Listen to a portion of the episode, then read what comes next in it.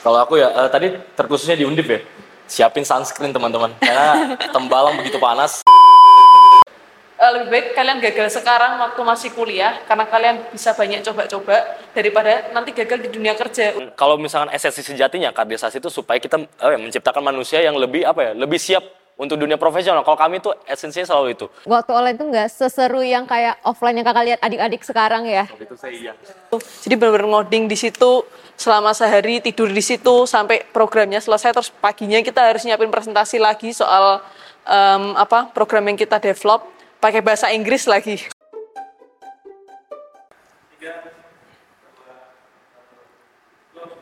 Halo semuanya, kembali lagi bersama Laura di sini dengan episode Bincang Bareng Manunggal di episode 18. Siapkan diri menjadi mahasiswa undip sepenuhnya.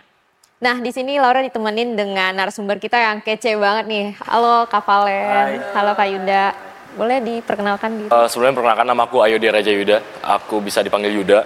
Aku dari Teknik Elektro, Fakultas Teknik angkatan 2020. Sekarang sih diberi mandat untuk menjadi wakil ketua himpunan himpunan mahasiswa elektro. Oke, okay. oke, okay, uh, halo semuanya. Perkenalkan namaku Ji Valensi Santoso, biasa dipanggil Valen dari jurusan Teknik Komputer angkatan 2021. Oke, okay. uh, wah keren-keren banget gak sih narasumber kita pada hari ini. Nah, aku mau dengar cerita dulu nih kak. Dulu pas kakak menjadi mahasiswa baru di Undip ini ya, pasti itu masih zaman zamannya online ya Iya, jadi gimana nih euforia menjadi mahasiswa baru Undip? Boleh dari Kak Valen dulu? Oke, kalau euforianya waktu jadi mahasiswa Undip apalagi online ya, waktu kan pandemi. Waktu itu mungkin kurang terasa ya, apalagi kemarin saya juga sempat ikut jadi panitia ODMFT. Itu kayak kerasanya beda banget gitu, kontras antara penyambutan mahasiswa baru waktu online sama offline. Jadi ya untungnya meskipun kemarin nggak dapat waktu saya jadi maba, tapi ketika saya jadi panitia di ODMFT itu dapat gitu euforianya kak. Uh, gini ya, aku masuk 2020, jadi 2020 itu tahun pertama COVID itu nyampe di Indonesia gitu loh. Jadi sebenarnya serba kaget ya, nggak cuma di perkuliahannya aja, tapi di sistem SMA dulu mau lulus. Dulu di angkatan kami itu ada angkatan yang ujian nasional tuh dihapuskan. Jadi kita sambil nunggu-nunggu tuh, sambil liburan, nih masuk kuliah atau gimana nih gitu loh. Terus gimana cara lulusnya. Dan pas sudah masuk kuliah tuh, bayangan kita selama SMA, aduh SMA nih rame nih masuk kampus ya kan. Habis itu juga yang nyambut banyak, terus kayak bisa kenalan sama satu sama lain. Kita ngelihatnya online gitu, Zoom, capek. Dan waktu itu jujur aja, waktu pertama kali masuk kuliah itu, device untuk uh, online meetingnya aku itu nggak sebegitu affordable lah. Maksudnya nggak compatible untuk kegiatan yang nyaman gitu. Dan waktu itu benar-benar berusaha banget supaya bisa dulu masih apa pakai Zoom sama Google Meet dulu. Dan itu benar-benar meresahkan sih. Dan aku bukan tipe kalau orang yang kuat di depan laptop sebenarnya. Jadi selama kan kita ada ODM tuh. Wah, ODM itu dilewati dengan begitu lelah ya. Kita pakai kemeja bawahan boxer tuh kayak udah biasa. Sorry banget nih Pak Rektor tapi kayak benar-benar seberat itu gitu loh ngeliatnya. Cuman uh, ya euforia itu terbayarkan sih kalau aku pribadi sama ngelihat ODM Undip sekarang atau ODM FT yang eh ODM FT tentunya yang di fakultas aku yang aku lihat sekarang ini. Jadi ya udah terbayarkan sedikit sih tapi tetap aja kelewatan masanya gitu. Berarti waktu online itu nggak seseru yang kayak offline yang kakak lihat adik-adik sekarang ya? Waktu itu saya iya. Oh, iya. itu saya iya.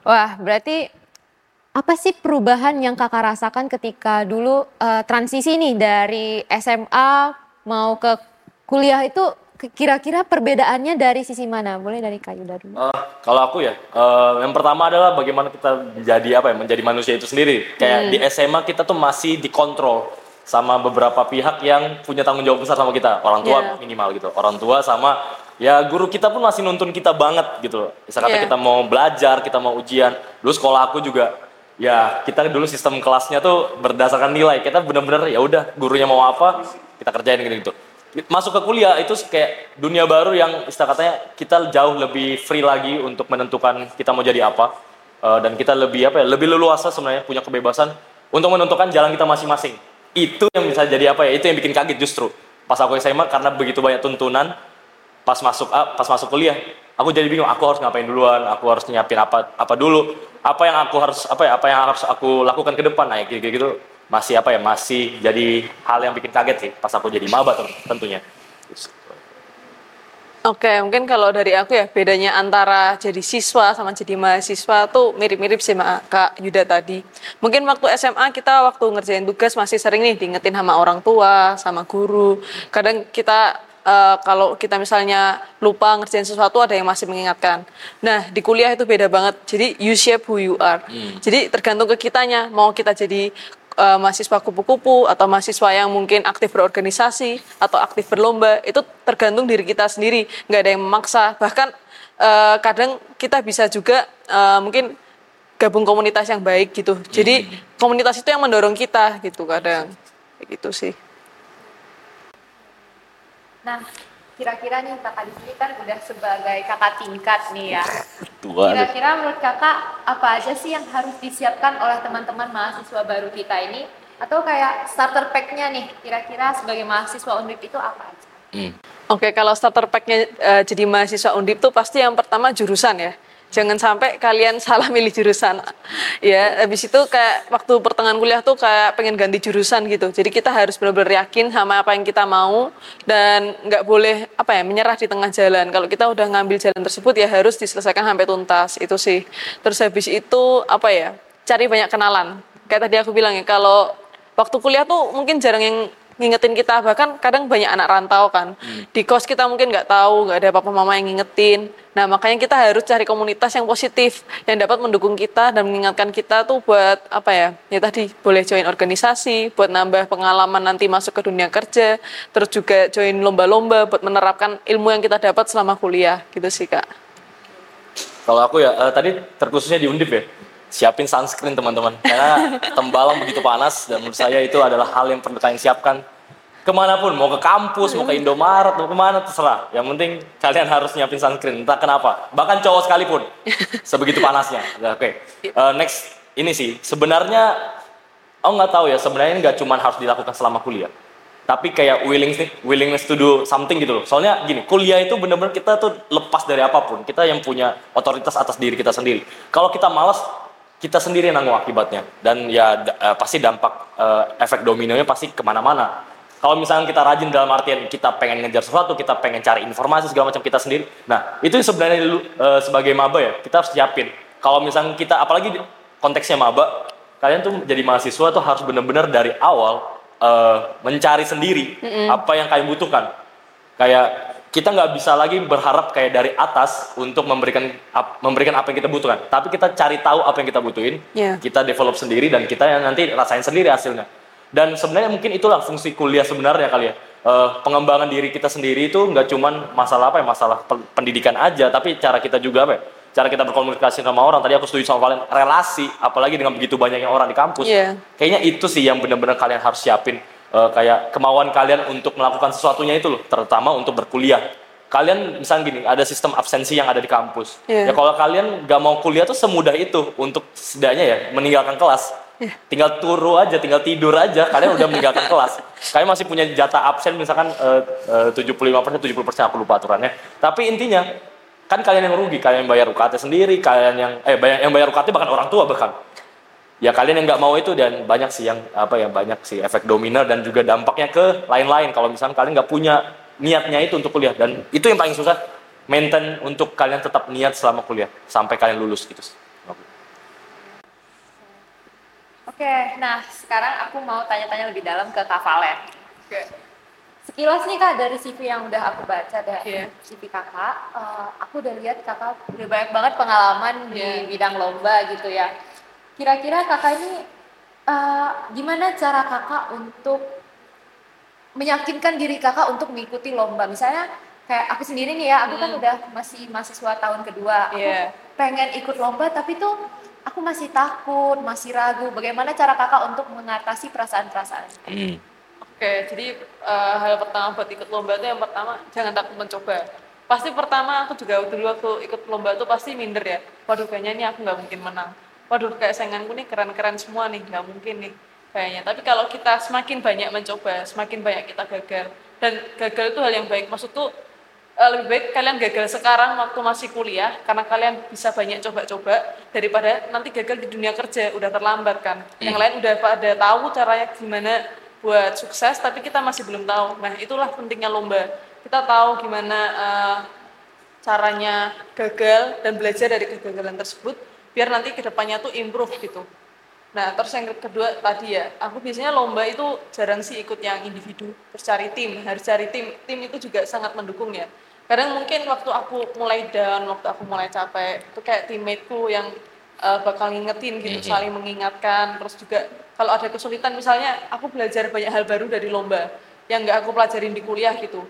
Bukan hal-hal yang kayak soft skill, tapi juga hard skill misalnya kayak ada coding-coding, aku di, uh, di kuliah tetap digajarin coding, tapi yang aku dapetin di lomba tuh jauh lebih banyak lagi. Kayak banyak hal nggak nggak ada di perkuliahan dan itu cuma bisa didapetin waktu lomba kayak gitu sih.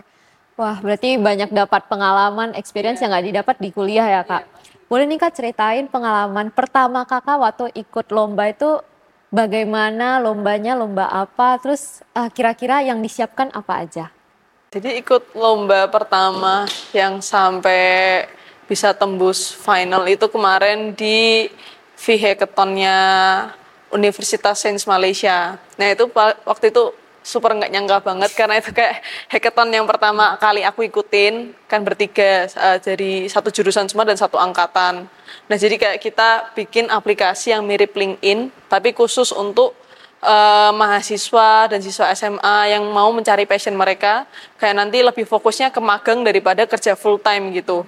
Nah, habis itu kita develop lah aplikasinya namanya Nawasena. Nah, waktu itu kayak wah ini nggak mungkin nih uh, kayaknya finalis. Kalau finalis jadi kita harus berangkat ke Malaysia kan. Jadi aku kayak ya udahlah yang penting coba dulu. Bertiga setuju coba dulu kasih yang terbaik. Nah, waktu pengumuman finalis itu cuma ada 20 dari 1000 tim dari seluruh mancanegara dan kita berhasil tembus gitu.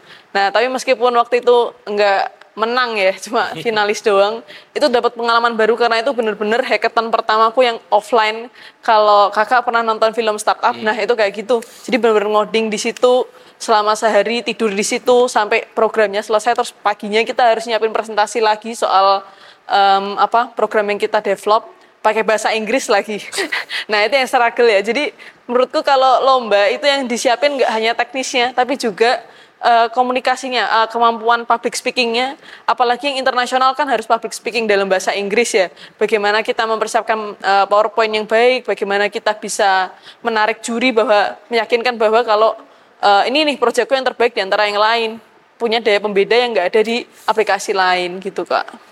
Nah, dari sekian banyak lomba yang udah kakak ikuti nih, uh, kompetisi apa yang paling berkesan nih kak, yang paling kakak teringat gitu?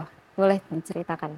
Oke, yang paling aku teringat tuh kemarin di 4DG Hackathon. Nah, itu lebih nggak menyangka lagi ya kalau bisa menang dapat juara dua gitu sama tim. Jadi timnya sama kayak waktu pergi ke Malaysia.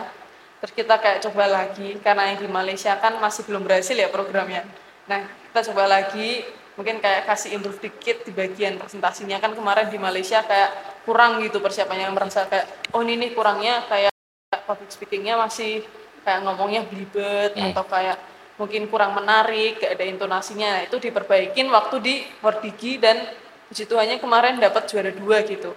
Nah itu nggak nyangka banget karena uh, aku presentasi di depan orang-orang BUMN ya.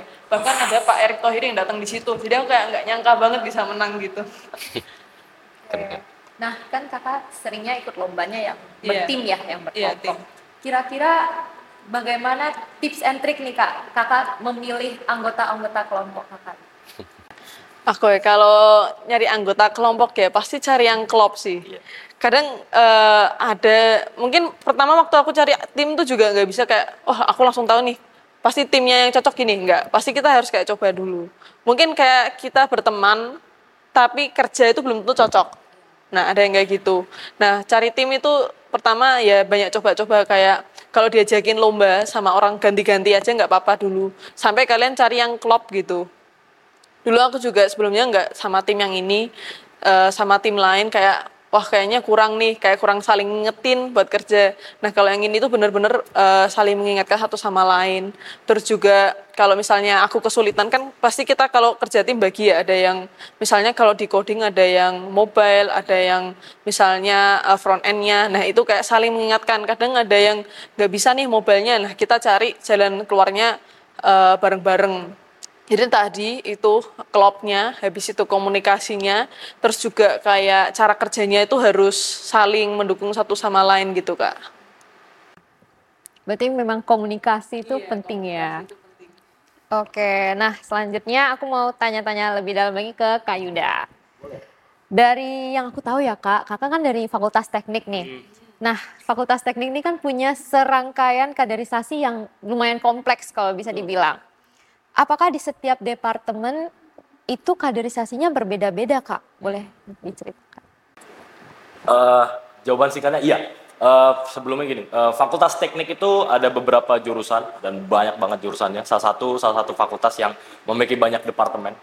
Dan untuk dalam sistem kaderisasinya eh, dari yang apa ya, dari yang aku banyak eh, ngobrol sama teman-teman luar jurusan dan juga aku melihat pro- apa proses kaderisasi masing-masing eh, jurusan itu memang sebeda itu budayanya.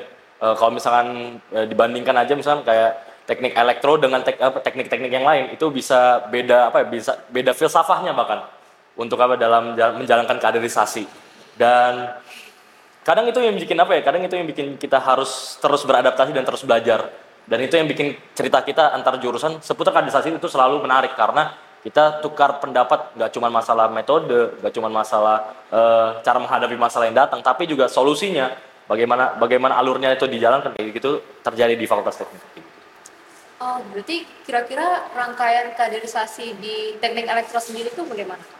Teknik elektro sendiri yang saya rasain dulu ya, eh, sebelum saya cerita ke mungkin versi maba sepertinya. Dan untuk yang versi maba, jalanin dulu aja. kalau misalkan apa ya, kalau teknik elektro itu, kalau yang saya rasakan dulu adalah eh, dari sisi pengkadernya, dari mereka yang memberikan kadernya, berarti dari angkatan atas ya, itu mereka menyiapkan dulu draft kaderisasi namanya. Draft kaderisasi itu adalah draft yang isinya adalah alur dari kaderisasi sepanjang kepeng- eh, sepanjang eh, kaderisasi di elektro itu berjalan. Mulai dari acaranya, mulai dari treatmentnya, mulai dari penanggung jawab setiap kegiatan, sampai nanti output yang dihasilkan. Sebenarnya itu yang paling penting. Bagaimana kaderisasi itu punya esensinya masing-masing. Kalau misalnya kaderisasi itu tidak- esensial, menurut saya itu adalah kaderisasi yang tidak apa ya, tidak baik sebenarnya.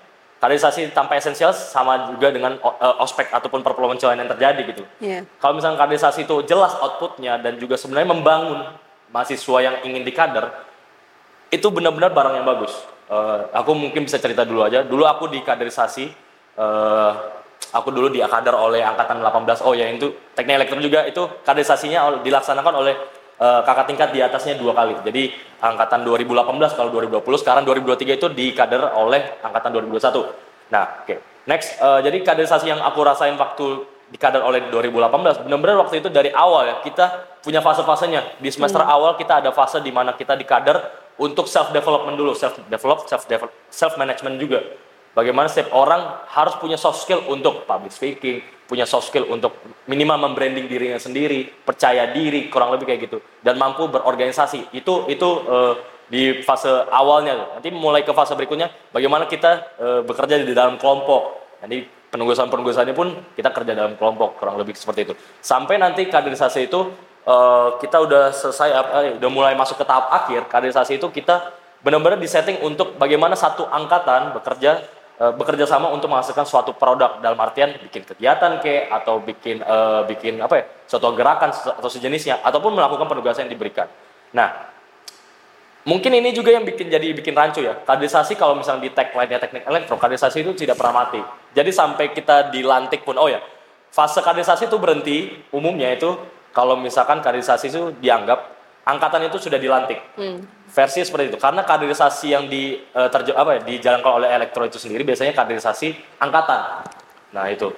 Jadi kalau misalkan ngomong kaderisasi, biasanya sih eh, turning point-nya adalah pas sudah menjadi angkatan. Tapi sebenarnya enggak. Setelah jadi angkatan pun ada kaderisasi eh, tingkat lanjutnya, yaitu pengkaryaan, di mana kita eh, diharapkan angkatan tersebut bisa memberikan eh, memberikan pengabdian yang ter- eh, kepada organisasi seperti misalkan di himpunan ataupun di BEM ataupun ormawa-ormawa yang ada di Undip minimal. Kurang lebih seperti itu. Dan kaderisasi itu sebenarnya bukan apa ya? Bukan ajang ospek itu yang harus di ini, harus di garis bawahi. Kalau misalnya kaderisasi itu sudah bentuknya ospek, itu yang salah. Karena sebenarnya esensi kaderisasi kaderisasi itu kan sebenarnya membentuk orang menjadi sesuatu. Nah, itu intinya. Kalau misalkan di elektro kaderisasi kebetulan kaderisasi angkatan. bagaimana angkatan tersebut bisa berhasil jadi angkatan. Iya. Contoh lah, kalau misalkan eh, contoh basicnya, kader partai. Ya orang itu dikader supaya jadi orang partai. Nah kayak gitu. Ka- Kaderisasi, kaderisasi juga seperti itu. Kaderisasi itu ada beberapa eh, beberapa eh, aspeknya, kayak misalkan kaderisasi riset, kaderisasi organisatoris, orga, kaderisasi kewirausahaan, kaderisasi kerohanian bahkan. Dan jadi benar-benar supaya menyiapkan orang tersebut menjadi eh, menjadi sesuatu. Nah kebetulan di elektro waktu yang aku jalani itu kaderisasi angkatan dan benar-benar waktu itu bagaimana kita satu angkatan angkatan 2020 elektro itu bisa bekerja sama untuk menyelesaikan suatu problem. Minimal seperti itu. Itu sih esensinya kurang lebih. Oke, nah dari tadi kita ngomong esensi nih, berarti saya baru mau nanya nih hal apa yang ingin dicapai dari kaderisasi Ya. tersebut, tapi udah terjawab. Atau kakak ada yang mau ditambahin boleh lagi? sih. Jadi gini kalau kaderisasi itu ya sebenarnya outputnya adalah bagaimana kita tuh bisa jadi manusia yang benar-benar siap untuk menghadapi du- dunia luar. Sebenarnya kalau di elektro seperti itu. Kalau di draft kaderisasi kami, output output yang kami keluarkan itu benar-benar output yang untuk memanage apa ya, mengembangkan soft skill pribadi dulu dan untuk lingkupnya nggak cuma di lingkup kecil sampai lingkup kebesar juga. Karena kaderisasi yang kami buat itu benar-benar kaderisasi yang kita pengen nih anak eh, anak yang kita kader itu bera- berhasil untuk minimal berbicara di dalam forum minimal lah minimal banget dan kalau misalkan esensi sejatinya kaderisasi itu supaya kita eh, menciptakan manusia yang lebih apa ya lebih siap untuk dunia profesional kalau kami itu esensinya selalu itu karena kaderisasi yang kami buat itu memang sih terkesan agak agak memberatkan dalam artian semua aspek tuh harus dijalani oleh setiap mahasiswa. Contohnya, dulu pas aku di kader, aku tuh harus ikut riset. Waktu itu aku harus ikut ke kepanitiaan juga. Aku harus ikut kewirausahaan juga. Aku harus ikut juga kerohanian juga. Eh, contohnya keorganisasian, jadi aku ikut kepanitiaan. Contohnya LKMPD, eh ya LKMPD dulu. Pas aku masih di kader, aku bikin jadi panitianya. Atau enggak eh, kegiatan-kegiatan seperti musma, musyawarah mahasiswa. Jadi angkatannya di kader yang jadi panitia. Kurang lebih kayak gitu. Itu contoh satu. Terus kalau misalnya kaderisasi riset kami tuh dulu eh, benar-benar disuruh kayak setiap ang- apa setiap orang nanti bikin kelompok kita bikin proposal PKM program kreativitas mahasiswa di mana kita nanti bisa tembusin ke jenjang yang lebih tinggi PKM Undip sampai nanti bisa jadi eh, ikut timnas kurang lebih kayak gitu kaderisasi eh, kewirausahaan dulu kita benar-benar disuruh jualan dulu kalau misalkan apa ya, kalau misalkan kita waktu 20, kita dulu suruh bikin bisnis proposal. Kita bikin eh, proposal bisnis untuk kegiatan-kegiatan eh, yang bisa diikut lombakan. Tapi kalau misalkan kegiatannya offline kayak gini, kita di prokernya HME itu ada namanya sell- selling something. Jadi benar-benar teman-teman tuh disuruh jualan dan itu supaya lebih kenumbuhin rasa entrepreneur entrepreneurship-nya aja sih. Jiwa kewirausahaannya yang dibentuk. Dan habis itu kaderisasi kerohanian. Kita tuh ada biro kerohanian. Jadi kayak kita suruh join ke situ. Kurang lebih kayak gitu sih. Jadi bener-bener kita tuh apa ya compact satu apa ya satu kaderisasi itu mengisi semua aspek. Itu yang mungkin dianggap eh, capek dan juga eh, apa ya memberatkan. Cuman mungkin ini apa sih eh, catatan juga. Aku sih mikirnya kayak gini. Kalau kaderisasi itu selalu ada endingnya. Meskipun dia bilang kaderisasi itu tidak pernah selesai. Kaderisasi itu selalu ada endingnya dalam tahap kuliah ya. Jadi aku selalu mikir gigi aja aku kerjain, aku kerjain, aku kerjain, kerjain. Nanti ada endingnya kok kayak gitu sih, kurang lebih kayak gitu. Oke, berarti memang rangkaiannya banyak tapi banyak juga yang mau dicapai ya. betul banget. Oke, nah kira-kira kakak punya pesan nggak buat mahasiswa baru cah teknik nih yang akan mengikuti sekiranya beberapa rangkaian kaderisasi itu? Oke, oke, oke. Eh, Sebenarnya gini, eh, kaderisasi itu bukan hal buruk guys. Itu dulu yang harus kalian tahu. Kalau misalkan dilakukan benar-benar oleh kakak tingkat kalian, kaderisasi itu tidak buruk. Tidak buruk sama sekali. Kaderisasi itu bisa menghasilkan memang man- individu yang jauh lebih baik. Kalau eh, kalau benar-benar dilakukan oleh cuttingnya. Tapi kalau misalkan eh, proses kaderisasi itu mulai apa ya? Mulai memberatkan bukan dalam artian ah memberatkan aduh ini eh, tugasnya kebanyakan atau dalam artian aduh ini kok prokernya jaw- jawabnya kok selalu kayak gini. Bukan kayak gitu sih kalau aku memberatkan. Memberatkan kayak gini. Eh, memberatkan dalam artian udah nggak masuk akal. Contoh dulu. Dulu aku pernah di fase di mana aku tuh disuruh eh, untuk melakukan kegiatan tuh sampai eh, tingkat waktu yang udah nggak relevan. Contohnya misalnya ikut rapat, itu rapatnya sampai pagi ke sore. Nah itu udah nggak masuk akal gitu. Yang kayak gitu-gitu sebenarnya bukan diprotes ya, tapi eh, kalau aku pribadi aku lebih ke mengkritisi untuk nanti ke maba aku nanti. Jadi kayak mereka nggak boleh lagi sampai ngerasain kayak gitu. Kalau misalnya kalian ke- berkeluh kesah pun sebenarnya boleh. Kalau misalnya di Undip kan ada ada hotline-nya ya kalau nggak salah. Dan itu boleh banget kalian gunakan. Meskipun eh, yang pengen aku eh, pengen aku eh, garis bawah ya kalian tuh jangan sampai ini sih jangan sampai mikirnya eh ah ini eh, cuman eh, balas dendam dari kating-kating doang pas dia masih di kader enggak kalau misalkan kalian punya cutting yang berkualitas sih, sih sebenarnya cuttingnya nggak akan mikir sampai situ. Tapi dia mikir ini tanggung jawab yang harus aku selesain itu sebenarnya kalau kaderisasi di tingkat eh, kampus terutama di elektro sih. Yang aku ngerasain eh, teman-teman yang lagi mengkader itu ngerasain kayak aku harus menyelesaikan tanggung jawab ini dan aku peduli sama adik-adik aku. Karena aku tahu adik-adik aku tuh nggak tahu dia mau ngapain gitu. Mungkin ini juga kalian harus tahu. Mahasiswa baru itu nggak tahu mau ngapain. Jadi cutting hadir dengan kaderisasi kalau misalkan di eh, dibalikin oke. Sebenarnya maba sih yang harusnya cari tahu ke cutting segala macam. Maba sih yang harusnya tanya-tanya sebenarnya sama eh, staff-staff atau sama dosen segala macam. Coba aku putar balik. Bener gak sih maba tuh tahu dia mau ngapain? Nah itu. Itulah sebenarnya kaderisasi itu datang. Karena aku yakin dan percaya maba tuh belum tentu tahu isinya undip ini apa aja gitu. Kita yang kenalin kita yang kasih ladangnya kalian yang milih. Ya gitu. Sebenarnya harusnya idealnya kaderisasi seperti itu. Supaya jalannya jauh lebih apa ya jalan jalan jauh lebih efektif dan mencapai apa ya tingkat yang ideal. Dan tapi untuk yang maba intinya kalian gak usah terlalu pikir pusing percayalah ini ada endingnya. Itu itu Oke. Wah, berarti kader ini sebenarnya bahasan kader ini sebenarnya cukup panjang ya kalau dibilang. Oke, nah dari kakak-kakak nih, kira-kira apa sih yang menjadi harapan peran kita sebagai mahasiswa terhadap kampus yang udah sebagai tempat kita belajar? Boleh dari Kak Valen dulu. Oke, kalau aku tadi ya, mungkin bentuknya ya kita bisa kasih prestasi yang mengharumkan nama kampus kita. Itu yang pertama. Terus yang kedua, kita juga bisa menjadi eh, waktu kita udah lulus nih, kayak orang-orang tuh bisa lihat, oh nih alumni Undip nih gitu. Kayak bukan apa ya, bukan melakukan hal-hal yang eh, dapat menodai nama kampus kita. Apalagi kita kuliah di Undip ya, salah satu kampus negeri eh, yang terkenal gitu se-Indonesia, yang unggul juga gitu. Itu sih kak kalau dari aku. Eh, kalau dari aku sih ini sih eh, sebagai apa ya, sebagai mahasiswa sih intinya kalian tuh bisa menjadi apa ya bisa menjadi terang bagi teman-teman yang di Iya. luar sana sih sebenarnya itu dulu sih Eh, eh, ini nggak nggak bawa agama sih tapi gue dari Kristen terus kayak aku masuk kampus pun aku dibilang "Eh, jangan buat onar ya. Intinya minimal kayak gitu loh jangan buat onar minimal. Terus tapi peran kita sebagai mahasiswa sebenarnya bagaimana kita tuh berdampak buat lingkungan kita? Mungkin kalau misalnya di eh, di eh, mata kuliah yang ada mungkin kayak kuliah kerja nyata KKN itu kan salah satu bentuk pengabdian Iya. sebenarnya.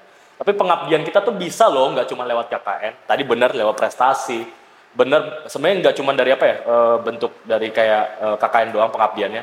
Tapi isu-isu sosial juga bisa Iya. banget loh kalian angkat dari seorang mahasiswa dan kalian mahasiswa tuh karena kalian ingat ya kalian tuh mahasiswa dari di atas siswa gitu loh. Iya, mahasiswa. Jadi kalian kayak kalian tuh benar-benar udah punya apa ya setidaknya kalian udah punya level berikutnya untuk berbicara luas berbicara lebih banyak seputar isu sosial isu eh, isu riset atau enggak isu yang lebih besar lagi di dunia. Dan kalian bisa banget jadi agent of change lagi. Kalian bisa Iya, lagi benar. penggerak bisa banget bisa menjadi eh, pembeda bisa jadi perubah dari sebuah sistem. Bisa banget dari, dari sebatas mahasiswa.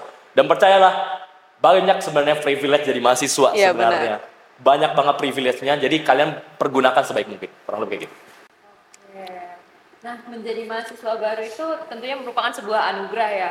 Tidak semua orang muda di umur kita mendapatkan kesempatan menjadi mahasiswa baru. Hmm. Mahasiswa baru tentunya penuh tanya, penuh ragu, dekat dengan keasingan. Namun hal itu tidak apa-apa. Karena menjadi mahasiswa baru adalah awal dari pelajaran kehidupan. Nah, terima kasih atas waktunya udah. sama-sama sama aman-aman Rauf Oke, aku Laura, sampai jumpa lagi di episode selanjutnya. bye bye